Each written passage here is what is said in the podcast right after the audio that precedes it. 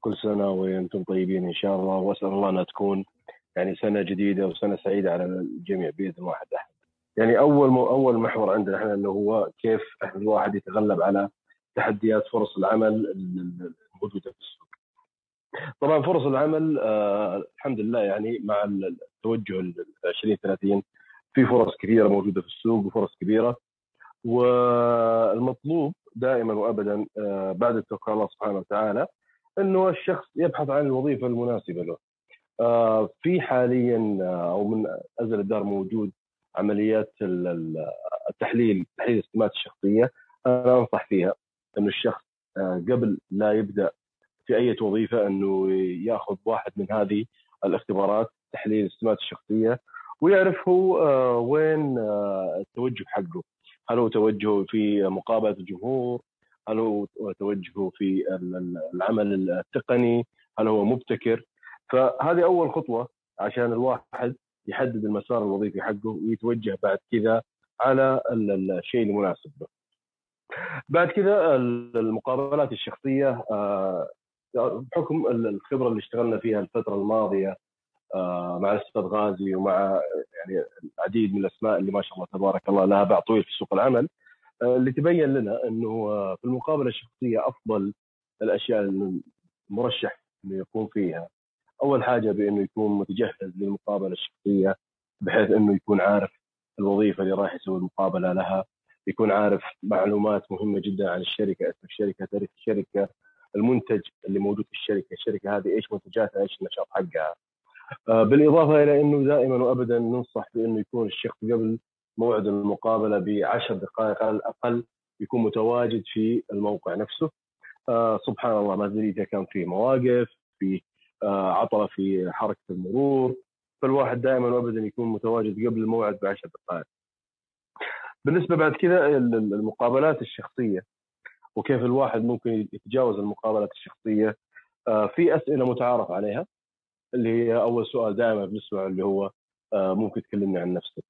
ممكن تكلمني عن نفسك؟ الشخص اللي أمامك ممكن يكون هو راغب بإنه يتعرف على بعض المعلومات اللي ما هي موجودة في السيرة الذاتية. ممكن أنت تذكر لي إياها. بداية الجواب للسؤال هذا دائما بيكون باني أذكر اسمي. آه بعد كذا بذكر التخصص حقي بذكر الحالة الاجتماعية لي وأدخل في الخبرات العملية حقتي إذا ما عندي أي خبرات عملية أدخل في الشهادات التخصصية اللي عندي. وأفتح المجال بعد كذا للشخص اللي اللي يسوي المقابلة معي بأنه يبدأ يطرح علي الأسئلة.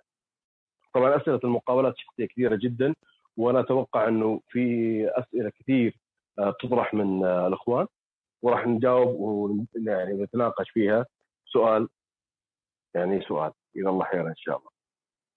الأشياء اللي أنا أوصي فيها بعد المقابلة الشخصية إذا انتهت المقابلة الشخصية دائما وابدا إذا كان عندك الإيميل اللي جاك منه الدعوة لحضور المقابلة الشخصية بعد المقابلة بتكتب إيميل شكر لهم على إتاحة الفرصة هذه لكم والانتظار والصبر عليهم. بعد ما يعدي إذا كان إذا كان الشخص طلب منك الانتظار الأفضل دائما وابدا بعد ما يعدي 10 أيام برسل له إيميل استفسار بيكون بشكل لطيف وممكن برضو صيغ الإيميل اللي أو البريد الإلكتروني اللي نرسله للناس أو للأشخاص اللي يسووا مقابله شخصية نطرحها مع الأستاذ غازي. فهذه يعني تغطية للثلاث محاور اللي تم يعني طرحها منكم وإذا في أي سؤال أو استفسار أنا أكون جاهز بإذن الله. السؤال اللي يعني ذكر نفسه مع مع الحين أقول ممكن يكون في في وظيفة معينة آه الشامل ممكن في شركة ما خلينا نقول 10 شغالة في وظيفه إدارية أو مستوى فني معين. ولكن المتقدمين آه يكونوا بالمئات هذا اذا ما وصلوا إلى 1000 أو أكثر. وبالتالي أنا أنا كمتقدم أنا ما أعرف الناس اللي يقولون. لكن قدام الإعلان حق الوظيفة قدام الشروط أنا عارف نفسي عارف مهاراتي كيف أنا ممكن أزيد من فرصي؟ هل في حاجة ممكن أنا أعملها قبل لا أقدم؟ هل ممكن في حاجة في السيرة الذاتية أعملها قبل لا أقدم؟ أو أي أفكار طبعا إحنا نرجع ل آه، أول خطوات آه، التقديم للوظيفه اللي هي السيرة الذاتية والكفر لتر أو الرساله اللي بنكتبها في البريد الإلكتروني. فاول حاجة أنا بكتب الرسالة. آه، نبتعد عن موضوع إنه رسالة واحدة لجميع الوظائف هذا رقم واحد. كل وظيفة بيكون لها رسالة خاصة. فأكتب أنا في الرسالة cover letter أكتب معلومات بسيطة جدا بإنه أنا حاب أقدم على الوظيفة هذه لأنه آه، عندي المهارات وأكتب المه... بعض من المهارات اللي موجودة في الوصف الوظيفي. أبتعد عن موضوع إني آخذ copy paste قص ولصق من الاعلان الوظيفي الاعلان الوظيفي نفسه. وبعد كذا السيرة كتابة السيرة الذاتية هذا يعني آه، حاليا أصبح يعني من الأمور الجيدة آه، في برامج كثيرة جدا تساعد المتقدمين على كتابة السيرة الذاتية المواقع الإلكترونية والمشاركة في المواقع الإلكترونية برضو هذه من الأسباب اللي آه، يعني تزيد من فرص القبول في الوظيفة. هل في مثلا برامج معينة أو الواحد ممكن يستخدم القوالب اللي ممكن أو في برامج تنصح فيها؟ وأفضل المواقع لعمليات التقديم آه، هو ال LinkedIn اللي موجود حاليا حتى بالنسبة لل fresh grad بالنسبة للخريج الحديث أو بالنسبة لي الخبرات آه، هو ال LinkedIn أفضل المواقع الموجودة. في ال LinkedIn آه، ممكن بس عن طريق المشاركات اليومية للشخص بيسوي لنفسه عملية ال branding ويصير متعارف عليه في سوق العمل. ياما إحنا شفنا شباب وشابات بسم الله ما شاء الله في المواقع مواقع التواصل الاجتماعي وفي ال LinkedIn خصوصا آه، عندهم اجتهادات ومبادرات يعني آه، بتلفت أنظار الشركات لهم بحيث إنه يحاولوا إنهم يستقطبوهم بأسرع وقت ممكن. مثلا كان في رابط حساب ممكن ممكن تويتر ممكن انستغرام طبعا حسب كل واحد إيش حاطط المعلومات السيره الذاتية حقته. هل أنت كشخص متخصص في عمليات الاستثمار هل تراجع الروابط هذه هل مثلا آه واضح الصوت يسمعوني كويس؟ هل آه بتراجع الروابط الحسابات هذه بحيث انه والله آه ممكن تقول إنه نوعية المحتوى للشخص أو المشاركات حقته تعطيك فكرة إنه ممكن تلعب دور في عمليه الفلس أو الفلترة؟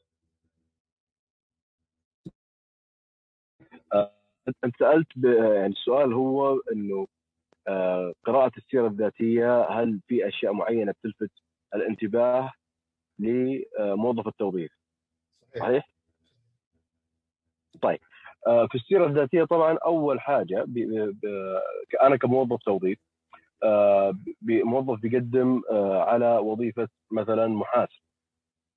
إذا كان شخص خريج جديد أول حاجة راح يشوفها الرجل آه، أو أو موظفة التوظيف بيشوف الشهادة. إذا كانت الشهادة طبعا آه، من الأخطاء يعني إنه الشخص ممكن يحط إنه معاه بكالوريوس من جامعة فلانية وممكن ينسى إنه يحط التخصص في الحالة هذه الفرص بتقل. لكن لما الشخص يكون حاط إنه خريج من الجامعة الفلانية بالتخصص الفلاني في العام الفلاني وأنا أنوه على موضوع يعني عام التخرج هذا شيء مهم لأنه من متطلبات الوظيفة إنه أحيانا يكون خريج جديد أحيانا يكون صاحب خبرات. فعام التخرج برضو شيء مهم بيكون فيه السيره الذاتيه من الأشياء المهمة جدا في السيره الذاتيه ممكن تلفت الانتباه المهارات المطلوبة للوظيفة إنها تكون موجودة عند الشخص. المهارات طبعا إحنا ما نتكلم عن المهارات التقنية أو ال technical skills إحنا نتكلم عن المهارات مثل مهارة التواصل مهارة مقابلة الجمهور آه، مثل مهارة التحمل آه، أو أو المالتي تاسك عند عند المرشح. فالمهارات والشهادات هذه من الأشياء المهمة جدا اللي تلفت الانتباه لأي موظف توظيف يعني بحكم آه، تعاملي مع موظفين التوظيف دائما وابدا أول شيء بيشوفوه الشهادة والمهارات بالنسبة للخريجين الجدد بالنسبة لأصحاب الخبرات أول شيء بيشوفوه إيش آخر مسمى وظيفي هل هو أعلى أو متوافق أو أقل من المطلوب. إذا كان حديث التخرج ما يعني ما في ما في خبرات عمليه وبالتالي أنت عشان تعرف قوة المهارات الموجودة عنده هل هو ارفض مع السيره الذاتية ريبورت أو تقرير عن السمات ونمط التفكير من اختبارات دولية معروفة علمية بحيث تساعد المفروض تزيد القبول.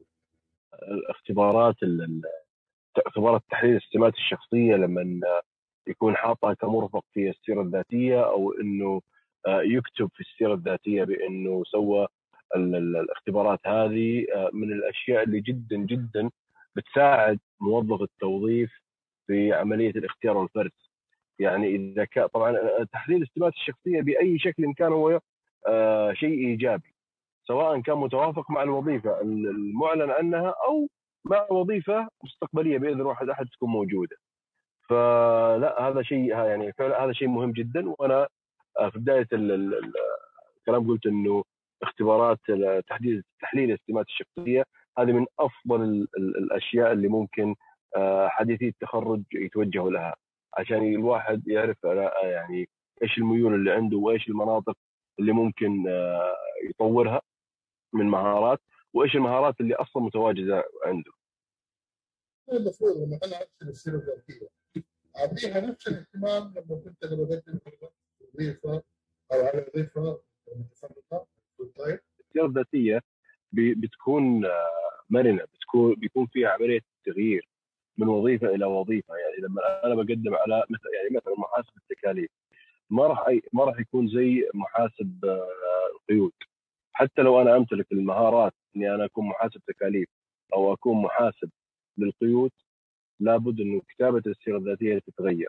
لو أنا بقدم على وظيفة آه، مسؤول تدريب وعندي خلفية في التوظيف ممكن تكون داعم لي في السيره الذاتية لكن ما أركز عليها بقدر ما أن أنا أكتب المهارات الموجوده عندي كأخصائي تدريب. نفس الشيء ينطبق على الوظائف الثانية. مندوب المبيعات الإشكالية اللي إحنا بنشوفها في السوق إنه ممكن المتقدم يتساهل في الموضوع وممكن بس إنه يقدم الشهادة حقته لما تكتب سيرتك الذاتية وتهتم فيها وتقدم على الوظيفة آه، سواء كانت في مجال المبيعات أو في مجال الوظائف الفنية.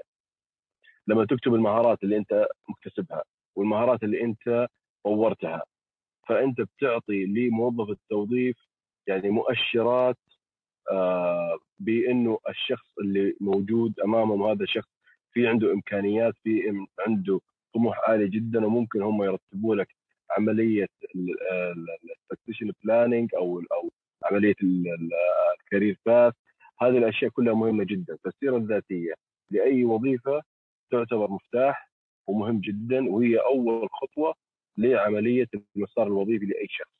أكثر الأخطاء الشائعه اللي شفتها شخصيا الناس اللي بيقدموا الوظائف أخطاء موجودة في السيره أول حاجة ممكن تعطي انطباع آه، يعني انطباع غير جيد عن المتقدم آه، الأخطاء الأملائية وهذه آه، يعني خصوصا إنه بيتطلب بعض الشركات تكون السيره الذاتيه باللغة الإنجليزية ففي أخطاء أملائية وأخطاء في القواعد. إذا يعني إذا الشخص يعني أنا هذه نصيحتي إذا الشخص ما امتلك القدرة في اللغة الإنجليزية تكون السيره الذاتيه باللغة العربية وما فيها أي إشكالية.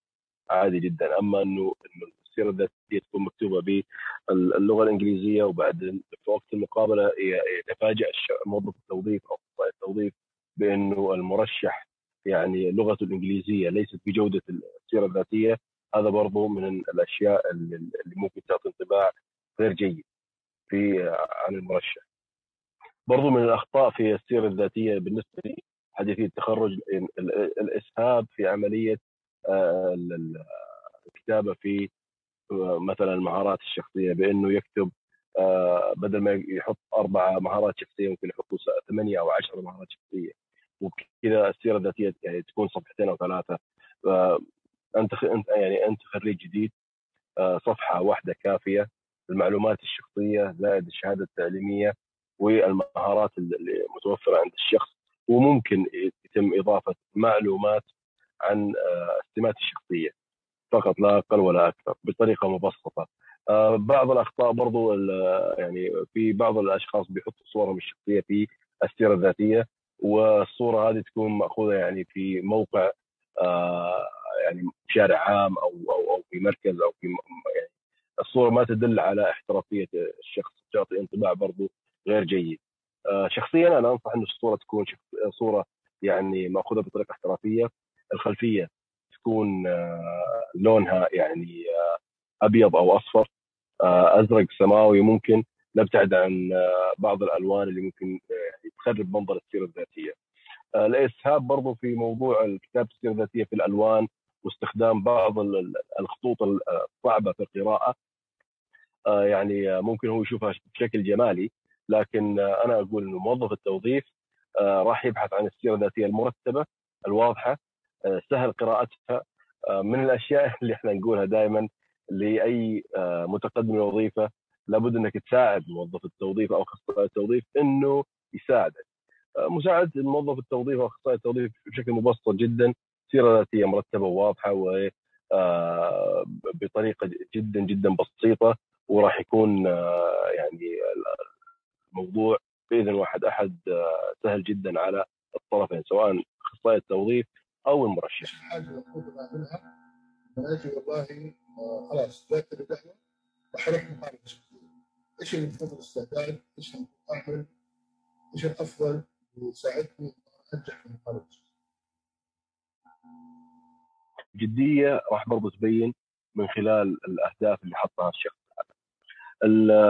يعني من من من الأشياء اللي اللي الناس أو أو أو اخصائي التوظيف بيبحثوا عنها في المقابلة الشخصية التفاعل للمرشح. خصوصا إذا كانت وظيفة تتطلب مثلا الحركه مثل مندوبين المبيعات أو أو الوظائف التقنية. إذا كان الشخص يعني فعليا في المقابلة الشخصية يوضح لهم بأنه الشخص هذا نشيط وبأنه الشخص هذا متفاعل شخص اجتماعي منفتح الافكار آه، حديثي التخرج من أهم الأشياء اللي دائما نبحث فيها آه، عنهم انه هو يكون شخص فليكسبل شخص مرن قابل للتغيير آه، متقبل للانتقاد البناء يعني هذه هذه من الأشياء المهمة جدا. من الأشياء اللي اللي الشخص أنا أنصح إنه يتحاشى إنه يتكلم عنها دائما الأمور المالية هذا أمر مهم جدا جدا جدا إنه آه، ما يتكلم في الأمور المالية ولا يسأل عن الأمور المالية في آه، يعني أول مقابلة. إذا اخصائي التوظيف طرح السؤال ممكن يتم الإجابة عليه. لكن أنا أنصح أي متقدم للوظيفة إنه ما يسأل لا عن الأمور المالية أو الأشياء هذه. آه، ساعات العمل برضو المفروض يعني أنا أفضل إن الشخص ما يسأل عنها لأنه ممكن تفهم بطريقة غير جيدة. آه، لكن آه، ممكن إنه الشخص يسأل بطريقة يعني جدا جدا حذرة آه، بحيث إنه يبين لهم إنه سؤاله عن ساعات العمل ما هو سؤال نابع عن يعني إنه الشخص ما ما يفضل العمل في الساعات الطويلة. يعني هذه أغلب الأشياء اللي, اللي الشخص المفروض إنه ما يسأل عنها اللي ممكن يعني يبحثوا عنها اخصائيين التوظيف.